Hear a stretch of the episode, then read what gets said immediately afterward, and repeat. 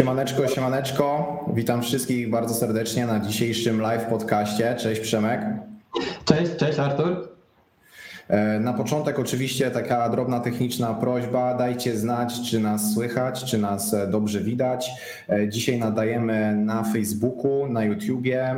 Oczywiście, jeżeli ktoś nie może zostać niestety z nami do końca, to jak dobrze pójdzie, nie będzie żadnych problemów technicznych, to będzie nagranie z naszego dzisiejszego spotkania i też będziecie mogli nas posłuchać na wersji audio. Szybko zerknę na czat. Tam na razie cisza. Widzę, że kilka osób e, już tutaj się zebrało. Tak, już tutaj e, Bartek mówi widać i słychać.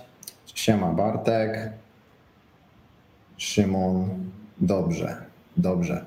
E, więc Przemku, będziemy dzisiaj rozmawiać o Norwegii, o Twoim wyjeździe, o tym, że opuściłeś nasz piękny kraj, e, wyleciałeś. E, więc oczywiście na pewno będziemy wałkować temat zarobków, będziemy w ogóle rozmawiać o tym, jak ci się żyje w Norwegii. Jednak może zanim przejdziemy stricte do tych tematów głównych, to gdybyś mógł pokrótce powiedzieć parę zdań o sobie i co robiłeś, czym się zajmowałeś przed wyjazdem do Norwegii.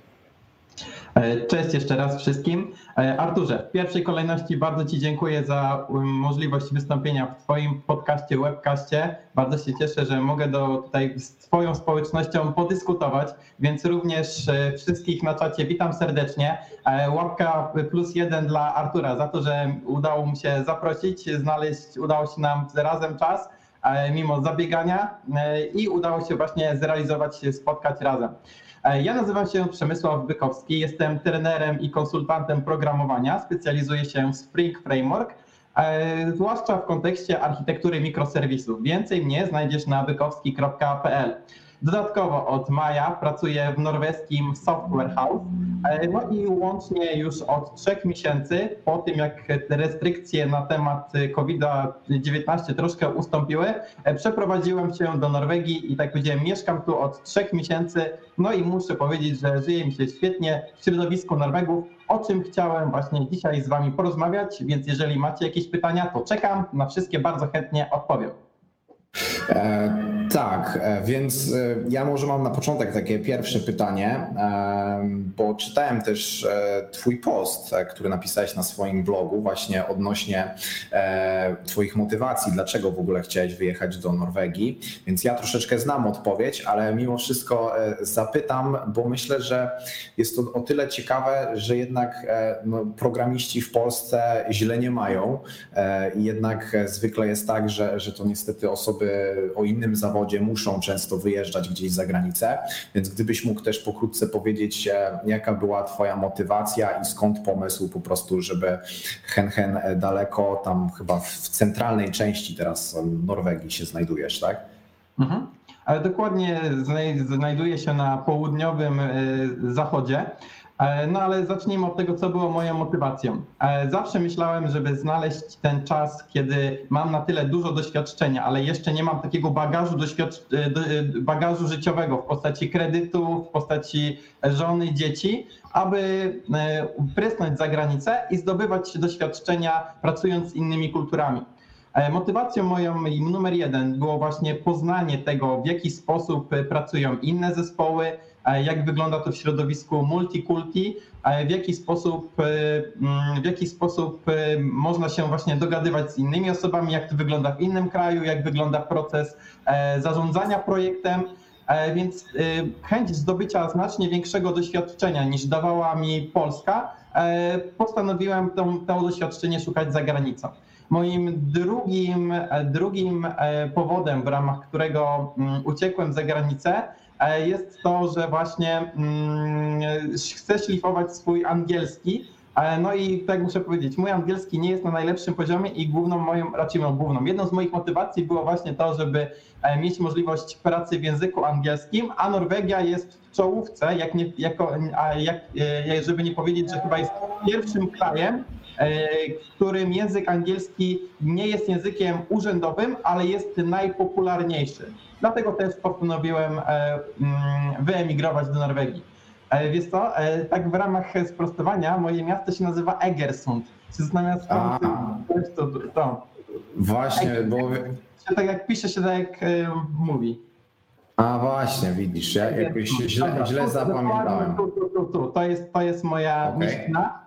E, Bardzo charakterystyczna z punktu widzenia II wojny światowej, taka już mało, mały off-top, ale już dokończę, że po prostu to była jedno z miejsc, pierwszych miejsc inwazji Niemców na Norwegię w trakcie II wojny światowej, ponieważ jest to najkrótsze połączenie linii komunikacyjnej między Stanami Zjednoczonymi, więc Niemcy postanowili w trakcie inwazji szybko odciąć Norwegię, no i zaatakowali to, to miejsce jako jednym z pierwszych. Więc bardzo dobrze rozpoznawalne miejsce w Norwegii. Mhm, mhm. Czyli, czyli dobrze zrozumiałem, że po prostu e, po pierwsze pierwszą motywacją była tak, e, dla ciebie taka, żeby nabrać po prostu takiej pewności siebie mm, w pracy nad takimi projektami, e, nazwijmy to w towarzystwie no nie polskim, tak? Czyli w takich warunkach. Tak, tak, tak, tak. Bo już, już mówię ci dlaczego. Mm, Polacy mają specyf- raczej no mają swoją mentalność, wyrobioną mentalność.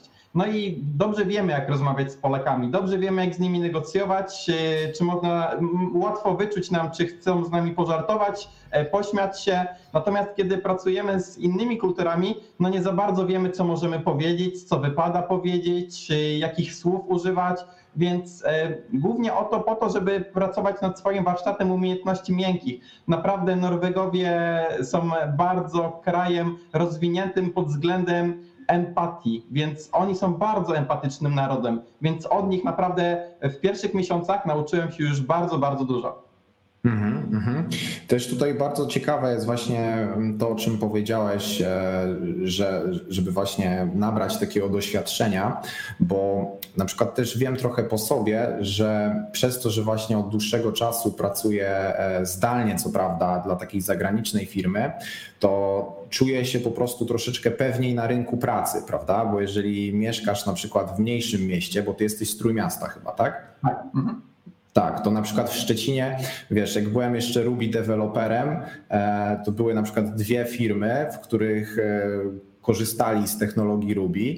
No i w momencie, gdyby na przykład e, jedna firma mi podziękowała, a druga by się zamknęła, no to już bym musiał albo wyjeżdżać do innego miasta, e, albo po prostu szukać jakiejś pracy zdalnej, prawda? I wtedy w momencie, jak się właśnie nabędzie tych umiejętności takich używania angielskiego, negocjacji, nawet czasami takiego zwykłego small talku, żeby z kimś tam porozmawiać przy, przy, przy kawie e, w pracy, no to wtedy człowiek się jednak pewniej czuje, em, żeby szukać po prostu tych projektów e, za granicą i nie tylko w Polsce, prawda?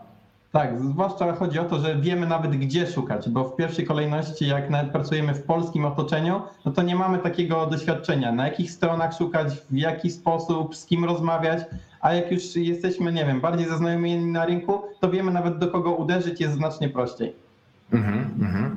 A właśnie, e, jak, jak już jesteśmy przy szukaniu pracy, bo teraz chciałbym też już e, troszeczkę na tej osi czasu, bo już porozmawialiśmy o, o, o tobie, jakie miałeś motywacje, żeby się wybrać do Norwegii, co robiłeś wcześniej, e, to teraz powoli się będziemy mm, kierować w kierunku rekrutacji i ogólnie jak to wygląda w Norwegii, jak, jak, jak znaleźć tej pracę, tą, tę pracę. I czy masz na przykład jakąś stronkę nam do podania, na której możemy szukać takich ofert w Norwegii? Czy to jest e, bardziej, nie wiem, jakieś grupy zamknięte na Facebooku, LinkedIn? Jak, jak tutaj e, byś e, radził i, gdzie możemy znaleźć takie oferty pracy? Dobra, to jednocześnie odpowiadając na to pytanie, po- podam kilka tipów, jak możemy w ogóle zacząć pracy szukać w Norwegii.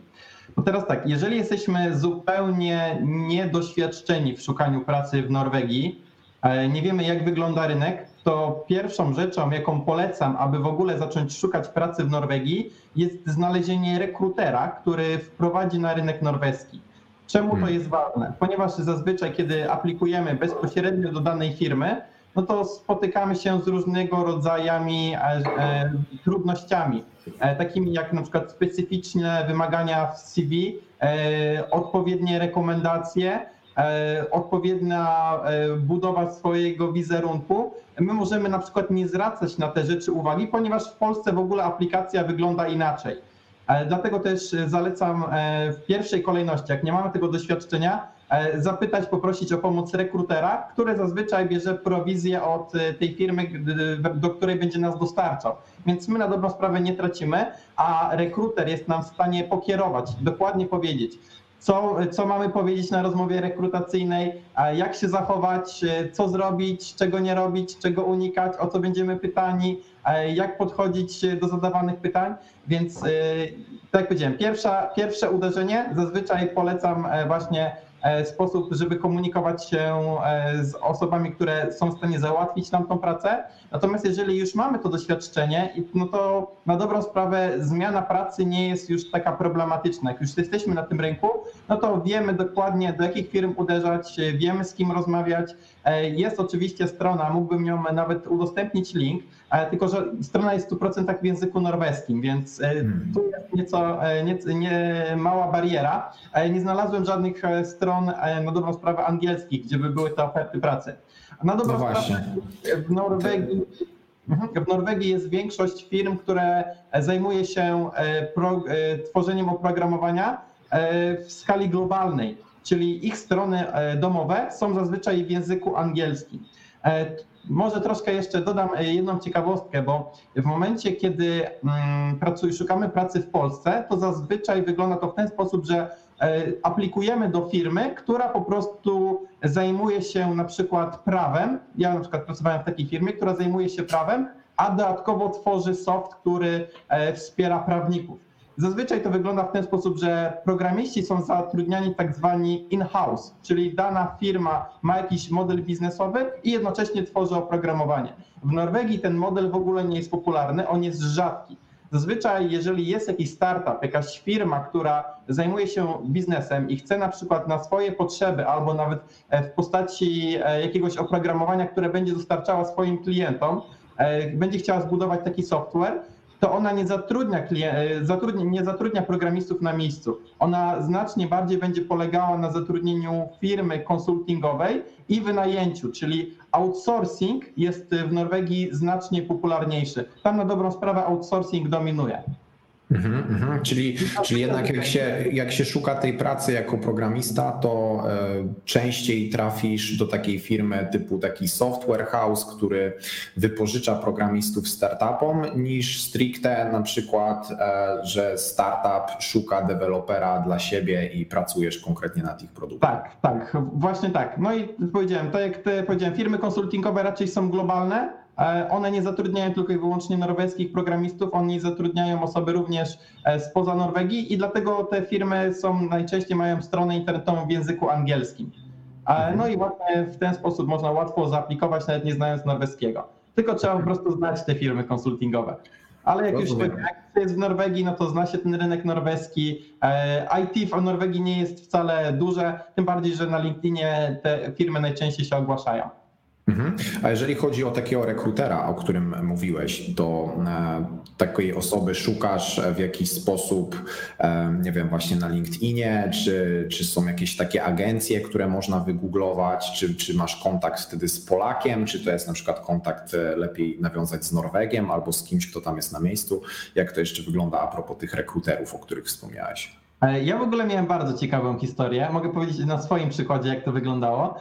E, ponieważ e, dla swoich e, znajomych szukałem pracy, więc napisałem ogłoszenie na LinkedInie, że szukam pracy, że moi, dwóch moich znajomych szuka pracy za granicą, no i konkretnie w takiej takiej lokalizacji. Natomiast odezwała się w jednym ze stu komentarzy rekruterka, która powiedziała, że ja mam ciekawą pracę E, w Szwecji. No to mnie, mnie, temat zainteresował, bo chciałem zawsze w Szwecji pracować, więc stwierdziłem, napiszę. Mimo, że nie jestem zainteresowany, to napiszę. No to powiedziała, przepraszam, ale ta oferta w Szwecji wygasła, ale mam za to w Norwegii. No i tak stwierdziłem, że zapytam o nią, chociaż w ogóle nie byłem zainteresowany. No ale po kilku rozmowach e, właśnie z tą rekruterką wyszło w ten sposób, że no e, mnie. No i właśnie tak wyglądało to, że E, pracuję teraz w Norwegii, chociaż w ogóle nie planowałem, jakiegokolwiek nie miałem intencji wylądowania w Norwegii. Ja w ogóle nie zdawałem sobie sprawy, że Norwegia uchodzi za kraj,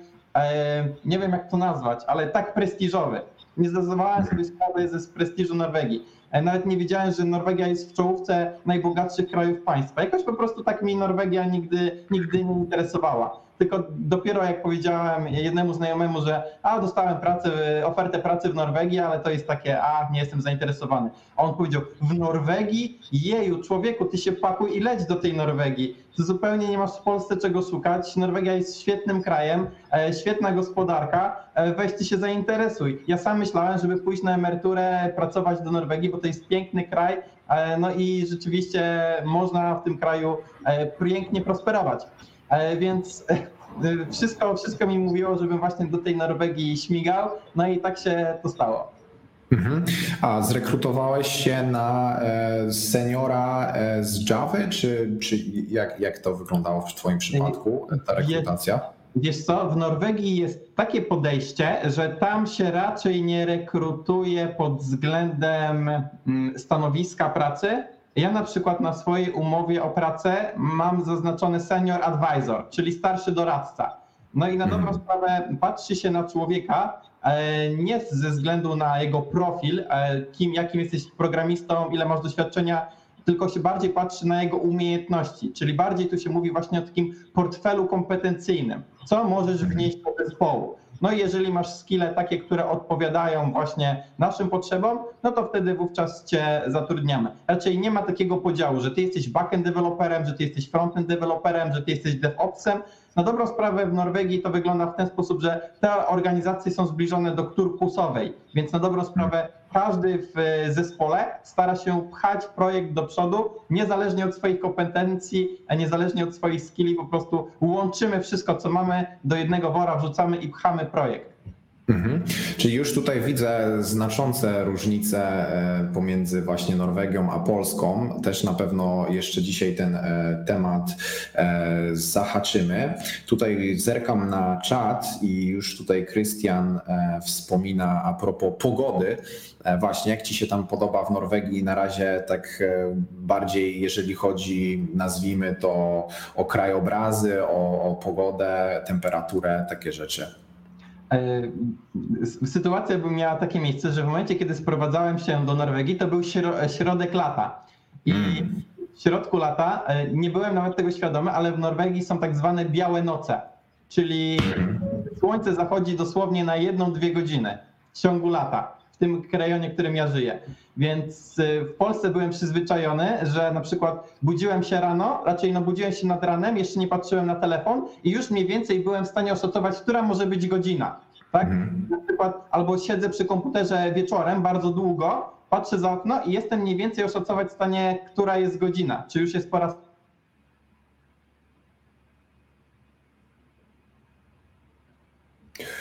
Straciliśmy Przemka.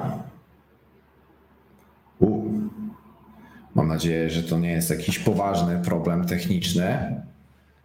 Zaraz, zaraz. Zobaczmy. Już piszę.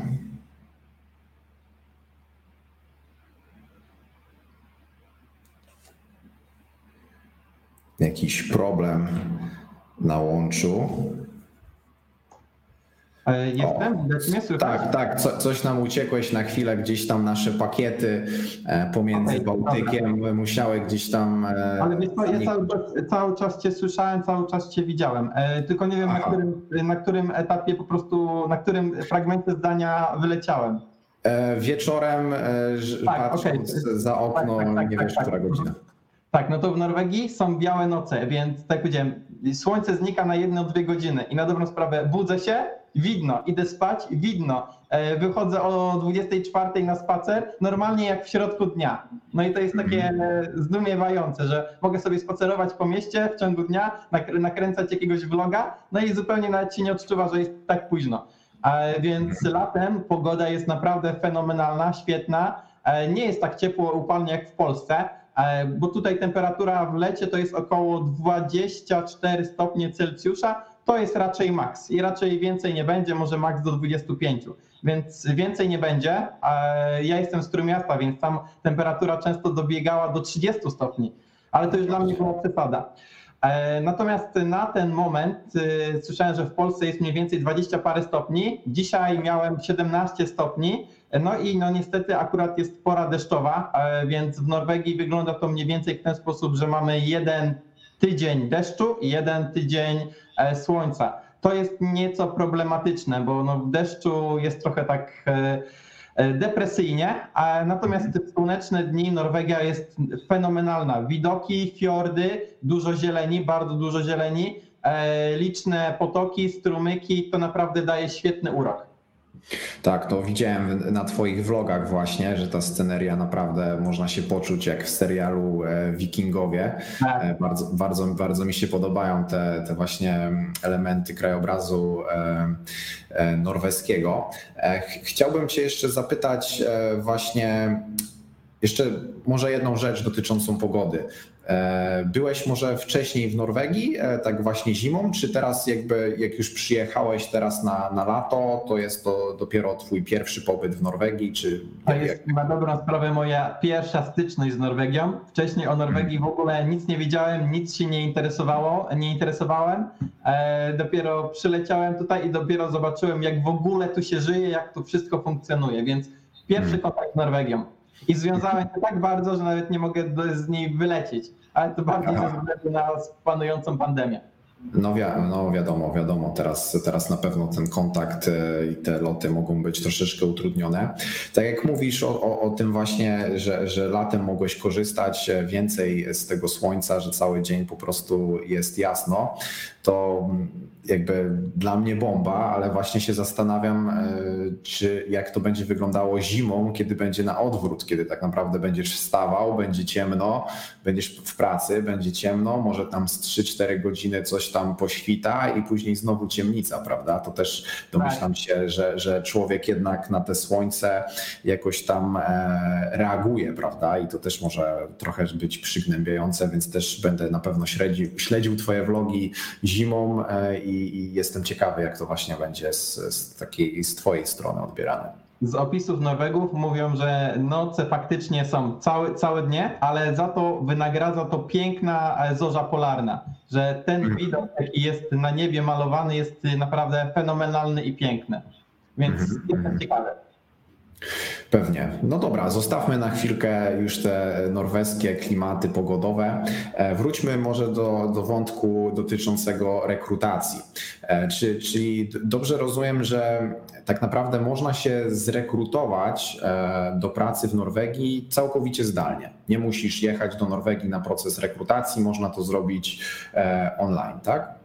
Tak, zdecydowanie. W ogóle Norwegia jest takim, takim krajem, że dużo, dużo rzeczy można zrobić e, zdalnie. Zarówno formalnych, jak i właśnie rekrutacyjnych. E, jest całkiem dobrze z, z, z inter... nie, nie, szukam słowa, skomputeryzowana może w ten sposób, ale że Scyfro, dużo... Scyfrozowane, cyfryzacja, tak jest. Tak, to, też w tym, w tym stylu. Więc e, całkowicie rekrutacja odbyła się w tym przypadku e, online, mimo że zaczęła się jeszcze przed pandemią. Mhm. Na dobrą sprawę e, zrekrutowałem się przed pandemią, ale właśnie ze względu na pandemię ten mój proces startu się opóźnił. Mm -hmm. I teraz jakbyś mógł powiedzieć, jak wyglądał ten proces rekrutacji, czyli najpierw kontakt z rekruterką, tak, ona szuka tam e, jakiejś atrakcyjnej oferty, zgodnie z tym twoim, nazwijmy, mm, e, tak jak powiedziałeś, bagażem, czy tam portfelem skillsów, tak, e, tworzy jakąś tam twój profil, szuka ci miejsca do zatrudnienia i co dalej, jak to później wygląda? E, na ten temat nagrałem e, swojego vloga. E, jest akurat w trakcie, trakcie montażu, więc może, żeby nie przedłużać. Okay, nie, nie spoileruj, na pewno damy linka, ale pokrótce, tak jakbyś mógł tylko powiedzieć mniej więcej mhm. jakoś w skrócie, jak to wygląda. A do, do vloga damy link, jeżeli ktoś nas słucha teraz w podcaście albo ogląda. Tak, to, to tylko chciałem powiedzieć, że, że niedługo na moim kanale pojawi się właśnie taki odcinek, a teraz, żeby powiedzieć, jak wyglądała rekrutacja w paru słowach, to teraz tak, rekruterka na dobrą sprawę była z firmy zewnętrznej, więc ona nie pozyskiwała kandydatów do swojej firmy, tylko to była zupełnie trzecia firma, która się typowo headhuntingiem zajmowała. E, no i rozmowa rekrutacyjna e, składała się z czterech etapów. Pierwszy etap no to godzinna rozmowa, pogadanka, e, na dobrą sprawę przedstawienie się, kim jesteś, czego szukasz, jakieś, jakie masz oczekiwania, jakie masz poglądy na życie, no i takie na dobrą sprawę tylko i wyłącznie zapoznawcze się. No i dostałem bardzo wtedy krótkie zadanie, rekruty, zadanie programistyczne, ale to miało tylko i wyłącznie zweryfikować ono, czy w ogóle ja wiem, czym jest programowanie. Tak, tak oceniam poziom tego zadania. E, na drugim etapie miałem rozmowę czysto technologiczną. E, tutaj byłem pytany o całe spektrum Springa, całe spektrum Dockera, jak tworzyć, jakie są podejścia do tworzenia architektury systemów, w jaki sposób działa continuous integration, więc na dobrą sprawę zostałem bardzo szczegółowo wypytany o te technologie, na które było największe zapotrzebowanie akurat w aktualnym projekcie żeby zobaczyć w ogóle, czy ja sobie z tym poradzę. Na dobrą sprawę to było kilka zadań technicznych, które musiałem na szybko wykonać. Na dobrą sprawę to był taki speedrun, bardziej patrzyli pod względem, jaki sposób myślenia mm, prezentuję, tak? Czy w dobrym kierunku zmierzam, czy dobrze myślę, jakie rozwiązania wybieram. No i później była długa, długa dyskusja, do czego tak, a nie inaczej rozmawiałem się z tą osobą bardzo przyjemnie, ponieważ na dobrą sprawę nie poczułem nawet, że to była rozmowa techniczna, bardziej poczułem, że to była właśnie taka luźna dyskusja starych programistów, y, którzy ze sobą rozmawiają i debatują, dlaczego wybierzesz ta, a nie ta, może ta technologia, może ta biblioteka, może to podejście, więc było to naprawdę bardzo takie rześkie, więc y, mhm. E, bardzo, bardzo byłem zadowolony z tego procesu. No później się dowiedziałem, że rozmowa rekrutacyjna poszła mi najlepiej ze wszystkich kandydatów, co E, co, co, co na dobrą sprawę nawet nie odczułem, bo było mi naprawdę bardzo miło w trakcie tej rozmowy.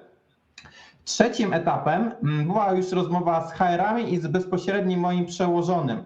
I to się tyczyło motywacji, jaki ja mam pomysł, żeby opuścić kraj, e, czy sobie zdaję sprawę, jakie są warunki w Norwegii, więc tutaj pytano mnie, czy w ogóle zdaję sobie sprawę, na, na co się porywam. E, więc tutaj bardziej pytali mnie o właśnie, zdaję, czy zdaję sobie trud, jaki czeka przede mną, żeby się przeprowadzić, a jednocześnie sprawdzali mnie, czy jestem osobą e, kontaktową, czy będę się nadawał do pracy w zespole, e, czy będę w stanie wnieść coś wartościowego poza skillami technicznymi do zespołu.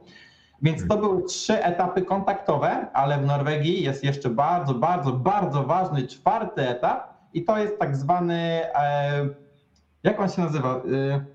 Bug, bug, background check, coś takiego to się nazywa. To wygląda w ten sposób, e, że sprawdzają wnikliwie, e, gdzie wcześniej się pracowało, e, z kim się miało kontakt. A no i dzwonią na przykład do jakiegoś prezesa, tam się go pytają, kto to tam jest, ten Przemek, tak? Tak, dokładnie tak to wygląda. Dokładnie. I na dobrą sprawę, jak się składa CV, to oni w momencie startu pracy dokładnie sprawdzają, czy na pewno e, zrobiłeś certyfikat taki, czy na pewno e, masz inżyniera z tego, czy magistra masz z tego, e, czy skończyłeś uczelnię taką i taką, czy. Mm, czy nie okłamałeś ich w skrócie mówiąc? Słucham? Czyli w skrócie mówiąc, czy ich nie zrobiłeś z, z niczym w konia, tak? Czy nie tak, tak, ale naprawdę oni wnikli, bardzo wnikliwie i za każdym razem pytali mnie o powód odejścia i weryfikowali moją, e, moje sprawozdanie z tym, co im mówiłem, więc tu jest naprawdę wnikliwa weryfikacja kandydata. Mhm, mhm. Czyli e, rozumiem, że e, też jakby to był dosyć istotny mm, istotna kwestia też podzielenie się z, tym, e, z tą rekruterką albo z tym pracodawcą swoimi papierami z uczelni i certyfikatami, tak? Musiałeś tak, faktycznie tak. je przetłumaczyć na angielski, zeskanować, wysłać i oni to wszystko weryfikowali. Tak? E, nie wiem, jak oni to ogarniają, bo w każdym razie tym nie zajmuje się firma, w ramach w której pracuję, tylko to jest kolejna zewnętrzna firma. Aha, okej, okay. ona robi ten Ta background firma check. ma upoważnienie od firmy, w której pracuje, że jest pracownik Przemek Bykowski, trzeba go zweryfikować i oni to weryfikują. E, wiem, bo na przykład e, dzwonili e, i komunikowali się w języku polskim z moimi polskimi pracodawcami. Więc mimo, że firma w Norwegii ze mną rozmawiali po angielsku, ale na przykład już z, z, na przykład z moją księgową, czy tam z moimi pracodawcami rozmawiali w języku natywnym. Więc e, podejrzewam, że to jest firma globalna, która tym się zajmuje, no i po prostu w zależności od tego, gdzie się e, pracowało albo gdzie się studiowało, to oni wybierają ten język natywny dla danego kraju. Mhm, mhm. Tak, czyli tutaj e, już nasuwa się rada dla młodszych słuchaczy, że jeżeli gdzieś pracujecie, to starajcie za sobą e, nigdy nie zamykać drzwi z trzaskiem, nie zostawiać żadnego smrodu, bo później po prostu e, w takich sytuacjach właśnie, jak już się szuka tej wymarzonej pracy, ktoś to zawsze może sprawdzić. Tak, tak. No trzeba wszystko uzupełnić. Jak się ma jakieś luki w CV, jak ma się jakieś na przykład, nie wiem, powód odejścia niejasny, to oni to wszystko wnikliwie są w stanie spra e, sprawdzić. E, mhm. Ale dla mnie największą trudnością jest po prostu odtworzenie, kiedy dokładnie się broniłem, kiedy dokładnie mhm. tak ukończyłem uczelnię taką i taką. Tym bardziej, że akurat to był czas, kiedy sprowadziłem się do Norwegii i nie miałem wszystkich dokumentów ze sobą, więc. E, jest to trudne, więc trzeba, polecam wszystkim myślącym o tym, aby skanować swoje dokumenty, trzymać je gdzieś w wersji elektronicznej. E, w Polsce niestety obieg dokumentów jest papierowy, natomiast w Norwegii wszystkie na dobrą sprawę umowy są w wersji elektronicznej. Mhm, mhm. No dobra, więc przeszliśmy tak pokrótce przez e, proces rekrutacji. Jeszcze raz zachęcam, e, jeżeli ktoś wnikliwie chce zobaczyć, jak to wyglądało, to będzie podlinkowany materiał e, na kanale Przemka, na którym możecie sobie zobaczyć dokładny vlog, jak to wszystko wyglądało. Więc teraz już tak, rekrutacja jest zakończona, dostajesz okejkę, że, że zapraszamy do Norwegii, zaprasza, zapraszamy, e, żebyś e, dołączył do naszego zespołu. I teraz, jakie są formalności, które trzeba spełnić, tak? Wiem, że mam zapewnioną pracę, dostałem okejkę tam z jakiejś tam firmy, kupuję sobie bilet, czy tam e, autobus jakiś, cokolwiek, przyjeżdżam do Norwegii, co muszę zrobić? Okej, okay, czyli poza takimi sprawami związanymi z znalezieniem mieszkania, biletami, transportem, przeprowadzką, to opowiem o takich rzeczach e, formalnych, które trzeba zapewnić. Więc pierwszą rzeczą, jaką musimy zrealizować, to udać się z, y, z mm, umową o pracę do. E, ojej, zapomniałem norweskiej nazwy, ale to jest naszego, nasz odpowiednik Urzędu Skarbowego, więc udajemy się do tamtejszego Urzędu Skarbowego no i mówimy, kim jesteśmy, e, pokazujemy nasze papiery, czyli nasz paszport albo e, dowód osobisty. Dowód osobisty wystarczy. No i prezentujemy umowę, umowę o pracę i miejsce zamieszkania w Polsce. E, mhm. I na tej podstawie wyrabiamy sobie tak zwany D-number i to jest coś w odpowiednik naszego karty podatkowej, ukośnik naszego NIP-u. Mhm. Wówczas, kiedy mamy taką właśnie kartę podatkową, no to możemy z tą kartą e, podatkową działać dalej. Jeżeli pracujemy w Norwegii nie mając karty podatkowej, a ja tak zaczynałem, ponieważ nie mogłem sobie tej karty podatkowej wyrobić e, pracując pierwsze miesiące e, zdalnie z Polski, no to płacimy bardzo wysoki podatek 50%, więc 50% naszej pensji ląduje do Urzędu mhm. Skarbowego. No i dlatego wyrobienie tej karty podatkowej jest bardzo ważne. E, kartę podatkową wyrabiamy. W następnej kolejności, jak już to mamy kartę podatkową, no to mamy tą ulgę, możemy płacić e, odpowiedni podatek w zależności od naszych widełek e, finansowych, wynagrodzeń. I kolejnym etapem jest postaranie się o kartę pobytu w Polsce, w Norwegii, ponieważ będąc w Norwegii możemy przebywać od 3 do 6 miesięcy, w zależności od tego, czy pracujemy, czy jesteśmy po prostu tutaj e, turystycznie. Nie możemy przebywać dłużej, więc jeżeli chcemy pracować, zostać, no to musimy znaleźć mieszkanie, e, mieć legalną umowę wynajmu mieszkania. No i z tą umową mieszkania, z umową o pracę, tak zwanym tym D-numberem, musimy się udać do najbliższego komisariatu policji E, raczej nie, no, do najbliższego to przesadziłem, do specjalnego wydziału, e, który, który nas obsługuje, e, dotyczący cudzoziemców. Udajemy się z tymi dokumentami i wyrabiamy sobie kartę mm, stałego pobytu. No i tu musimy pokazać, że właśnie mamy umowę o pracę, że mamy mm, zamiar zostać, że dostajemy wynagrodzenie, E, że mamy tutaj wynajęte mieszkanie, no i oczywiście, że mm, mamy oczywiście uregulowany stosunek względem Polski, że nas nigdzie nie ścigają. Więc e, na tej podstawie wyrabiamy sobie karty stałego pobytu, no i możemy legalnie mieszkać, e, żyć w Norwegii tak długo, jak mamy tutaj pracę. I gdybyś tak e, miał oszacować, ile e, ta, ta, te, te załatwianie tych spraw tak mniej więcej trwa, to jest tydzień, dwa, to jest dwa dni, w jeden dzień, jak to wygląda tak w praktyce? Byłem w zeszłym tygodniu, właśnie żeby załatwić sobie kartę stałego pobytu, zajęło mi to 7 minut. Więc mhm. dojechanie do najbliższego e, departamentu do spraw cudzoziemców zajęło mi tam, nie wiem, z półtorej godziny. Czekanie na moją e, kolejkę, musiałem chyba czekać półtora miesiąca. Oczywiście się rejestruję w systemie e, online, żeby sobie zabukować odpowiedni temat, no, te, termin. No i po prostu formalność trwała u, u mnie 7 minut. Troszkę dłużej trwała formalność dotycząca D-numberu, E, czyli tą pierwszą rzecz, jaką musiałem załatwić w urzędzie skarbowym, no ale to też trwało mniej więcej pół godziny. Dłużej trwało czekanie na, e, na wizytę, no i samo dojście do tego urzędu skarbowego. Mhm. A, ale rozumiem, że w tym czasie, jak byłeś tak troszeczkę w tym takim zawieszeniu, tak, czyli między okresem, aż się umówiłeś na, tą, e, na to spotkanie, później czekałeś na ten termin, no to w pełni możesz tam legalnie przybywać, pracować, po prostu tak. Nikt się nie ma prawa przyczepić o nic. Tak, jak najbardziej, tylko tutaj od razu dodam takie zastrzeżenie, że w momencie, kiedy czeka się na wizytę mm, w urzędzie skarbowym, no to jeszcze tego D-numberu nie mamy. My dopiero po wyjściu z urzędu skarbowego nabywamy ten D-number. Więc do tego czasu, dopóki nie mamy tego D-numberu, e, musimy oddawać 50% zarobków e, e, Urzędu Skarbowego. Więc warto sobie wcześniej zabukować tą wizytę, nawet przed wylotem do Norwegii, tylko po to właśnie, żeby pierwszego dnia pobytu w Norwegii pójść do tego urzędu skarbowego i od razu załatwić tą formalność i mieć odpowiednie po prostu niepotrącone wynagrodzenia. Mhm, mhm.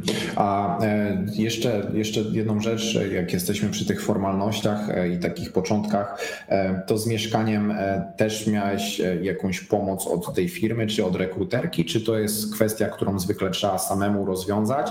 I jeżeli ją trzeba rozwiązać, to czy też można to zrobić online, czy jednak trzeba przyjechać i tam posiedzieć, nie wiem, tydzień, dwa w jakimś hostelu, hotelu i, i w międzyczasie załatwiać te sprawy mieszkaniowe? E, oczywiście, jeżeli chodzi o pomoc rekruterską, to tutaj rekruterka poleciła mi portal i portal i powiedziała, w jaki sposób szukać. E, ja niestety nie mogłem znaleźć pasującego mi lokum, ale zacząłem przeszukiwać lokalne grupy na Facebooku, no i ogłosiłem się, że planuję mm, przeprowadzić się do mojego miasta, czyli Egersund, no i tutaj właśnie szukam e, mieszkania. No i zgłosił się do mnie, zgłosiła się do mnie jedna osoba, no i powiedziała, ja mam takie i takie mieszkanie, no i jeżeli chcesz, to wpadaj. No to powiedziałem, że no przykro mi, ale jestem w Polsce, nie mam możliwości, e, żeby zobaczyć to mieszkanie i poprosiłem, czy możesz to mieszkanie nagrać, czyli zrobić taki walkthrough e, po mieszkaniu, no i z komórką pokazać mi wszystkie pomieszczenia.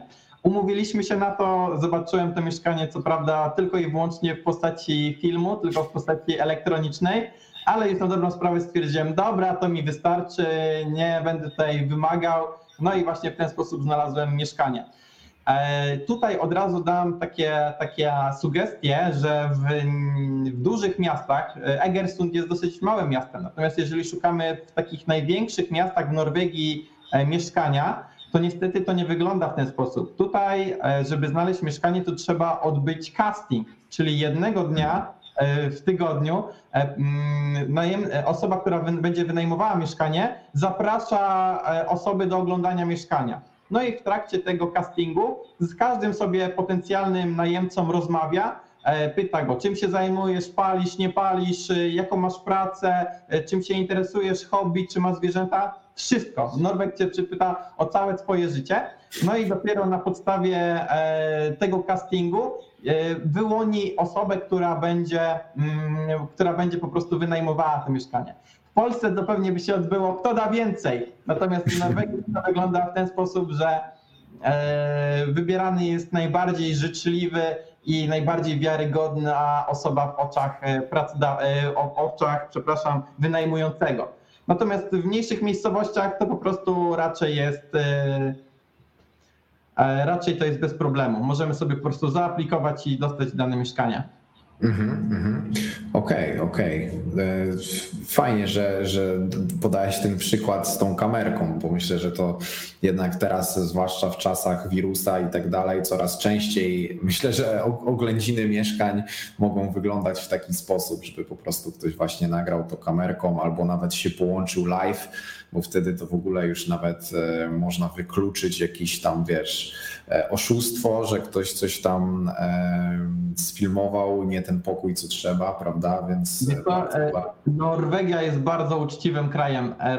Raczej, jeżeli chodzi o jakieś wyłudzenia, jeżeli chodzi o jakieś przekręty, to Norwegia naprawdę daleko. Ale tutaj hmm. nikt nie oszuka, tu raczej ludzie szukają sposobu, żeby ci pomóc, a nie żeby cię wykiwać, więc oni ci mhm. naprawdę nieba przybliżą. E, mhm. Mówię, że chyba oglądałeś moje vlogi, ale ja już, ja już dostałem rower, dostałem czajnik, dostałem propozycję, żebym dostał telewizor. Tutaj wszystko, wszyscy chcą mi dać i nikt nie chce mnie mhm. oszukać, wszyscy chcą mi pomóc, bo cieszą się, że nowa osoba dołączyła do społeczności, no i za wszelką cenę starają się tutaj tą osobę wesprzeć. Mhm. Ale to, to myślę, że na pewno jest to też takie fajne na początek, prawda? Jeżeli jesteś tam e, sam, prawda, w nowym mieście, w nowym, w nowym otoczeniu, że możesz liczyć nawet na jakieś takie właśnie drobne gesty ze strony społeczności. W Polsce, tak jak sobie myślę, raczej rzadko to się zdarza, że e, Teraz tak naprawdę ludzie sobie na klatce czasami nawet dzień dobry nie mówią. E, o, obdarowywaniu jakimś rowerem e, nie, nie, wspominając, więc myślę, że, że fajnie i też w sumie jestem ciekaw, jak to jest w większych miejscowościach, prawda? Bo jednak w takich mniejszych miejscowościach zawsze to społeczność wydaje mi się, że jest tak chyba troszeczkę bliżej niż na przykład w takim Oslo, gdzie tam domyślam się, że y, ta cyrkulacja tych ludzi jest dużo większa, prawda? Z tego co słyszałem, to przede wszystkim, że jak szukamy pracy, szukamy mieszkania, to nie u Polaka, bo, A, no rozumiem. bo jest duże ryzyko, że możemy po prostu zostać w jakiś sposób wykiwani. Natomiast jeżeli chodzi o e, kontakt z Norwegami, Norwegowie są naprawdę bardzo, bardzo życzliwi. Mhm, mhm. No jednak e, jest, jest taki też chyba stereotyp, że to są tacy e, ludzie uczciwi, prawda? Też ja na przykład słyszałem taki stereotyp, że też troszeczkę Skandynawowie są tacy oziębli, ale w zasadzie no z tego co mówisz, to, to nie uświadczyłeś tego na razie. Wiesz co, rozmawiałem z Norwegami, bo też miałem taki temat y, w trakcie pracy, mamy luncha, no to w trakcie lunchów możemy sobie spokojnie pogadać, no i starałem się też również y, obalać mity albo poznawać tych Norwegów. I Norwegowie powiedzieli, że Norwegia dzieli się na wschód i zachód.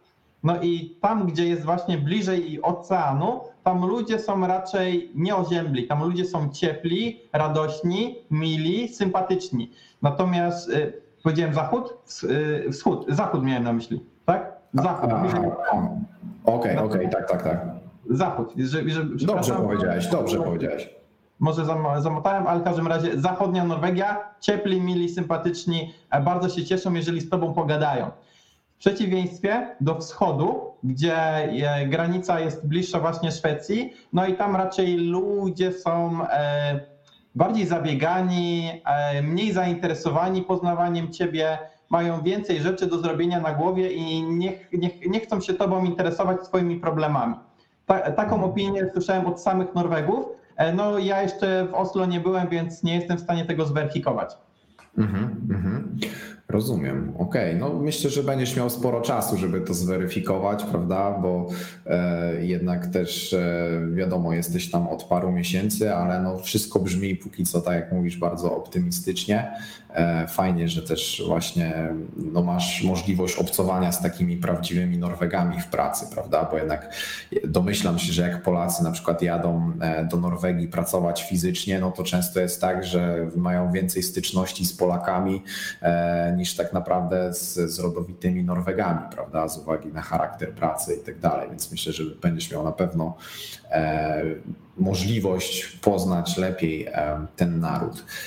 Rozmawiamy już troszeczkę, więc chciałbym już pójść do tego tematu, który tak naprawdę chyba rozpala wszystkich, bo tutaj parę osób do mnie pisało właśnie przed naszą rozmową, no to przywijał się najczęściej motyw zarobków, prawda? Bo jeszcze, jeżeli ludzie wyjeżdżają, rezygnują z tego, żeby być blisko rodziny, przyjaciół i gdzieś tam siedzieć daleko, no to dla wielu osób główną motywacją są po prostu pieniądze, żeby to zrobić. Więc e, jakbyś mógł powiedzieć, jak to wygląda z zarobkami w Norwegii, czy faktycznie jest tak kosmicznie, e, jaka jest e, ta relacja na przykład zarobków do wydatków? Mhm. To teraz tak, jeszcze ma, mały tip, póki pamiętam. Zacznę od tego, że w momencie, kiedy szukamy pierwszej pracy w Norwegii, tym bardziej jest warto skorzystać z pomocy rekruterów, ponieważ rekruterzy dobrze wiedzą, znają stawki i są w hmm. stanie nam pomóc wynegocjować dobrą stawkę. W momencie, no, kiedy... Bo sami więcej też dostaną, prawda? Więc to jest win-win. Tak, tak, tak. Właśnie, właśnie dokładnie o to chodzi. Więc y, to jest kolejny powód, który właśnie motywuje do tego, aby zacząć pracę szukać ze mm, właśnie rekruterem. No ale jeżeli przechodzimy do tematów e, zarobkowych, to ja przygotowałem tutaj specjalny raport i jeżeli tylko i wyłącznie czaty mają ochotę, to niech napiszą to na czacie, czy chcą, żebyśmy tutaj omówili strukturę zarobków pracy w Norwegii w zależności od doświadczenia i e, kompetencji danego programisty. Jak tam na czacie? Jesteśmy chętni, żeby coś takiego omówić? Właśnie tu czat nam troszeczkę e, zamilkł. Widzę, że jest troszeczkę... Właśnie, więc ja tutaj chcę troszkę tak zmotywować, bo przygotowałem właśnie ciekawy raport, który właśnie nam pokazuje. I mm, to jest bardzo ciekawe, że Norwegia ma bardzo te e, e, raporty wiarygodne z tego względu, że tutaj nie ma czegoś takiego jak zatajenie zarobków. Tutaj te tematy zarobkowe E, są ogólnodostępne, znane, więc tutaj te wszystkie pensje są e, podawane jawnie, więc te raporty, które e, są przedstawiane w statystykach są bardzo, bardzo wiarygodne. Mhm. No tutaj Michał, Szymon, parę osób tutaj się odezwało, że chcemy raport, tak. także myślę, że jest moment, żeby sprawdzić nasz feature udostępniania ekranu. Mhm. Dobra, no to ja już lecę z tematem. Share screen. Mhm, dobra. E, I teraz udostępniam ekran, tylko żebym teraz dobry ekran udostępnił, bo pracuję na dwóch. No właśnie, ten właściwy. Dobra, i teraz proszę powiedzieć, czy to dobrze widać? E, możesz odrobinkę e, zoomować, wiesz? O, dobra. dobra. Jest gitara. Zoomuję tak bardzo jak się da, żeby jednocześnie nie, nie było okay. Powiedz w ogóle jak te korony przeliczać. Mniej więcej na pół trzeba je, tak? Ciachnąć. O, wtedy mamy złotóweczki. Korona jest warta 44 e, grosze. Jeden, jedna złotówka odpowiada 44 e, e, kor, przepraszam, jedna złotówka odpo, Przepraszam, zamykam. Jedna korona 44 grosze. Tak, tak, tak. Trzeba tak, ciachnąć tak. na pół mniej więcej, no. E, tak, mniej, mniej więcej na pół. I teraz tak, bardzo polecam stronę Payscale e, z tego względu, że ona udostępnia raport e, e, na temat programistów i on jest naprawdę bardzo, bardzo wiarygodny, więc tutaj możemy sobie wpisać, jakiego mamy skilla, jakiego mamy experience'a, w jakich technologiach pracujemy, no i oczywiście na jakim tutaj, w jakim po prostu specjalizacji jesteśmy. I na podstawie właśnie tych wszystkich współrzędnych, również nawet możemy miasto podać, jesteśmy w stanie powiedzieć, ile mniej więcej, w jakich widełkach możemy się e, poruszać. Więc e, średnia zarobków, taka najbardziej ogólna dla programisty, który no nie jest seniorem, tak, mamy average, e, nie jest juniorem, nie jest seniorem, pracuje w IT, no to jest to 560 tysięcy, 564 tysiące i to jest kwota roczna, więc możemy sobie to od razu przeliczyć, jeżeli chcemy. No to będzie not2pln. No to mniej więcej, o, jakaś reklama pewnie. Pracy w Norwegii.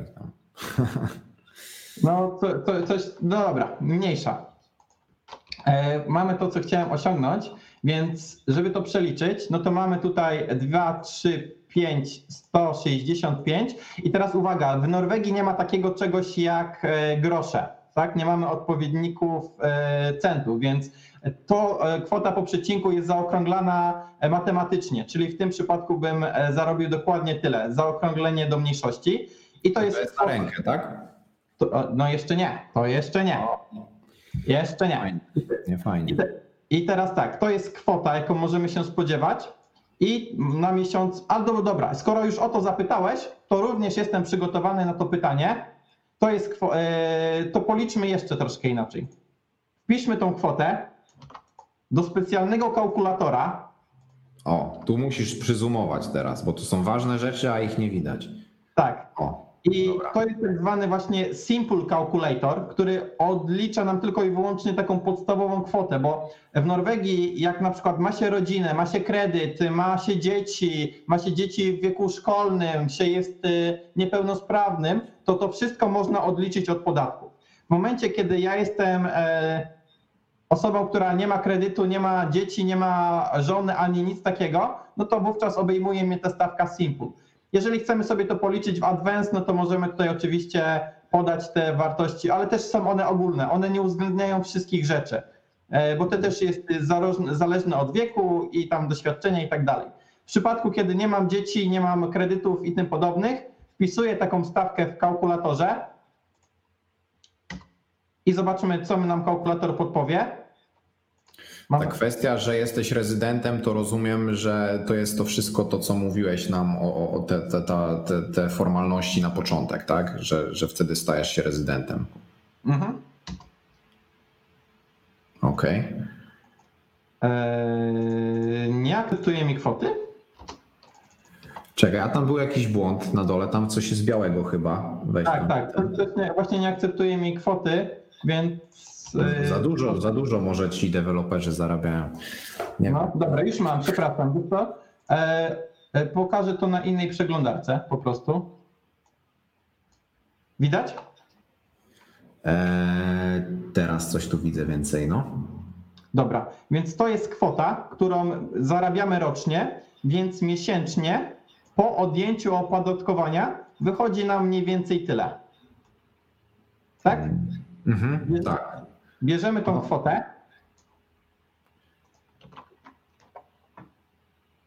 Usuwam przecinek. Jasne. No i piszę NOT to PLN. To jest stawka miesięczna. Mhm, Czyli- Okej. 13 tak około.